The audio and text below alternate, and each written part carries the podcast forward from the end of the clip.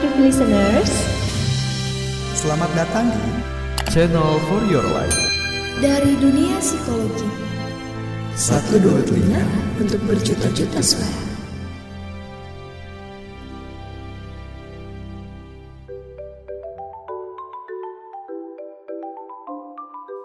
Hai Sobat Dupi, masih dengan season bullying bersama aku Cecilia. Kali ini, akan membacakan kisah bullying dari Sobat Dupi yang telah diceritakan pada tim kami beberapa waktu yang lalu. Penasaran dengan kisah mereka? Yuk, langsung saja dengerin.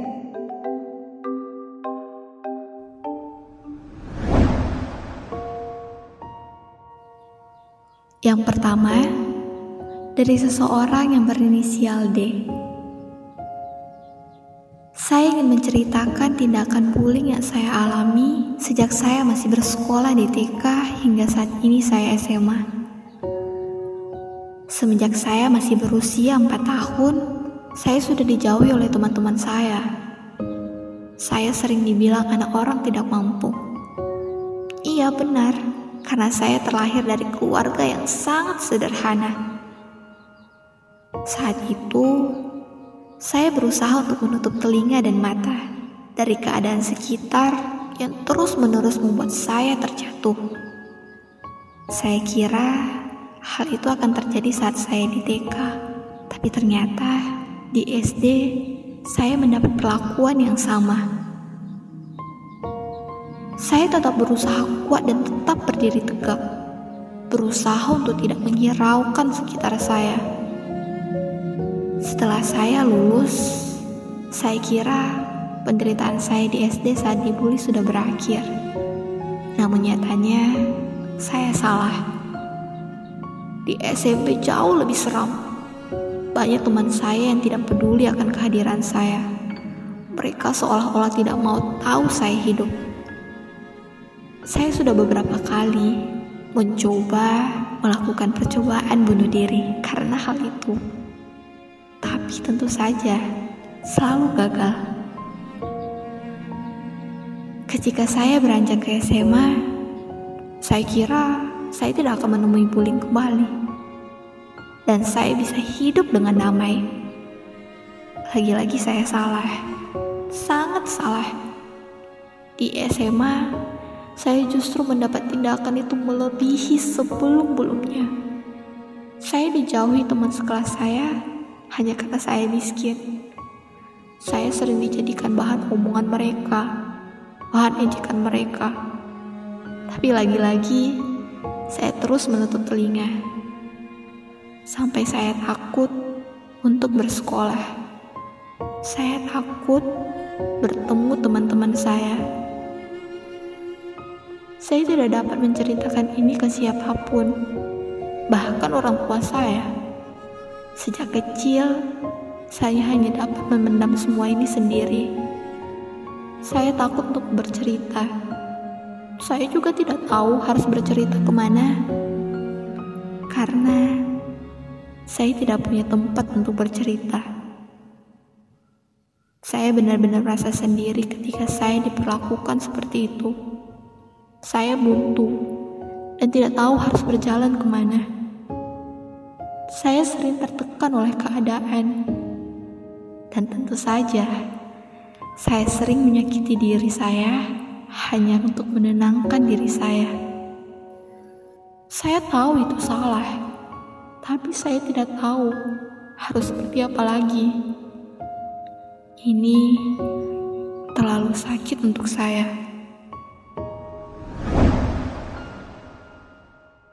Berikutnya, ada cerita dari seseorang yang berinisial G.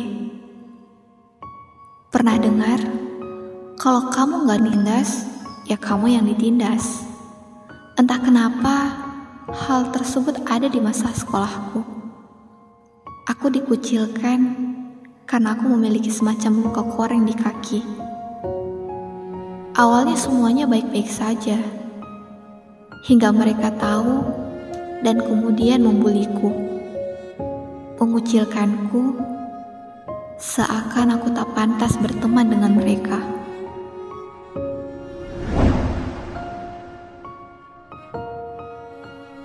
Kisah selanjutnya, halo, namaku I, dan aku ingin menceritakan story tentang bullying yang kualami. Dari TK sampai SMK, aku udah pernah ngalamin dibully. TK Makanan aku ditumpahin Terus ditertawakan Bahkan didorong dan dijauhin Saat masa SMP Aku dicampakin dan dijauhin Gak ditemenin dan diledekin sama kakak kelas. Hari-hari berlalu hingga tiba masa SMK ku. Aku dibuat menangis, dicueki, sampai aku jadi anak pendiam.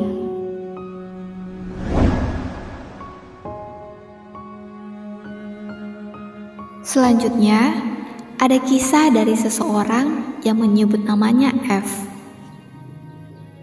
Jadi, dulu pertama kali aku dibully itu saat kelas 2 SD.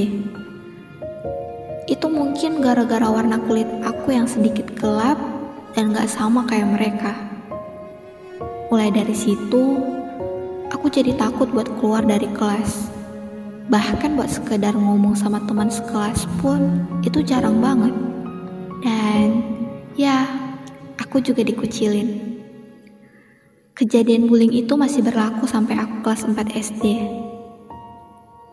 Rasanya udah nyerah banget buat ngadepin mereka. Bahkan buat laporin ke guru pun aku sangat takut.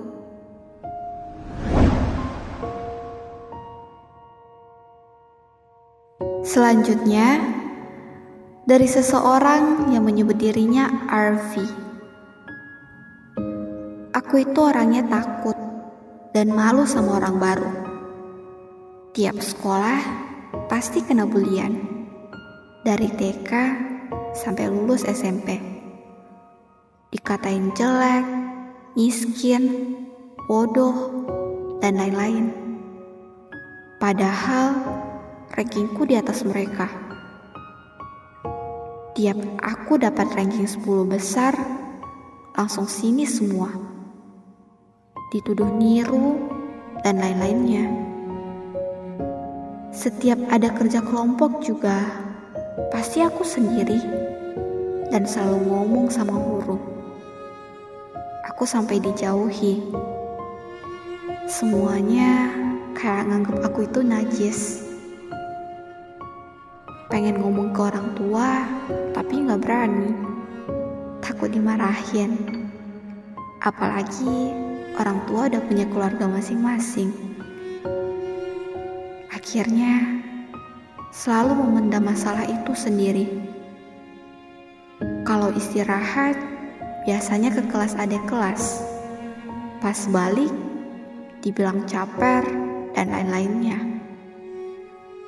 Pengen banget rasanya keluar dari sekolah, tapi takut ngerepotin. Alhamdulillah, SMA nggak dibully. Soalnya masih daring. Tapi nggak tahu ke depannya.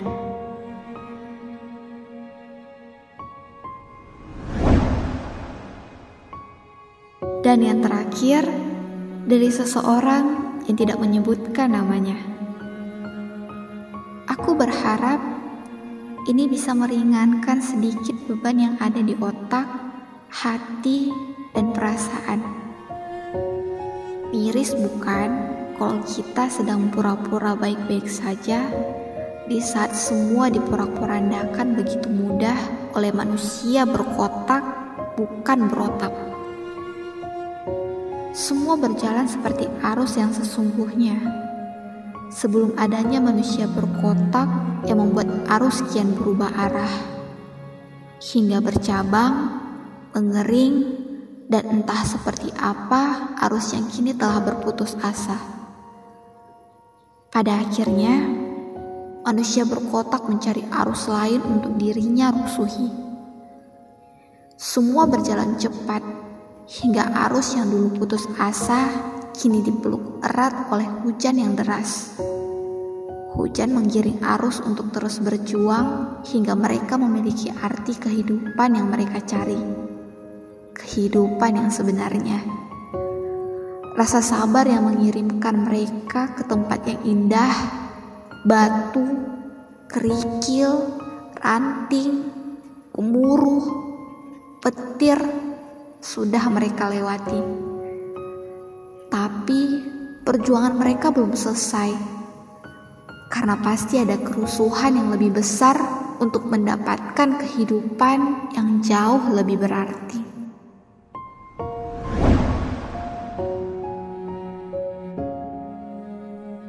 Itu dia sedikit kisah dari Sobat Dupi yang telah mencurahkan pengalamannya. Nyatanya, tindakan bullying masih banyak terjadi di Indonesia. Dampak yang ditimbulkan pun masih sangat terasa bagi korbannya. Oleh karena itu, mari bersama Dupi kita perangi tindakan bullying di Indonesia. Share podcast ini ke seluruh sosial media kamu agar semakin banyak orang tersadar akan tidak patutnya tindakan bullying. Follow juga akun Spotify Dupi di Dupi hashtag for your life. Aku Cecilia, pamit undur diri. Nantikan lanjutan dari episode cerita mereka di pekan selanjutnya. Dunia Psikologi Satu dua telinga untuk berjuta-juta suara.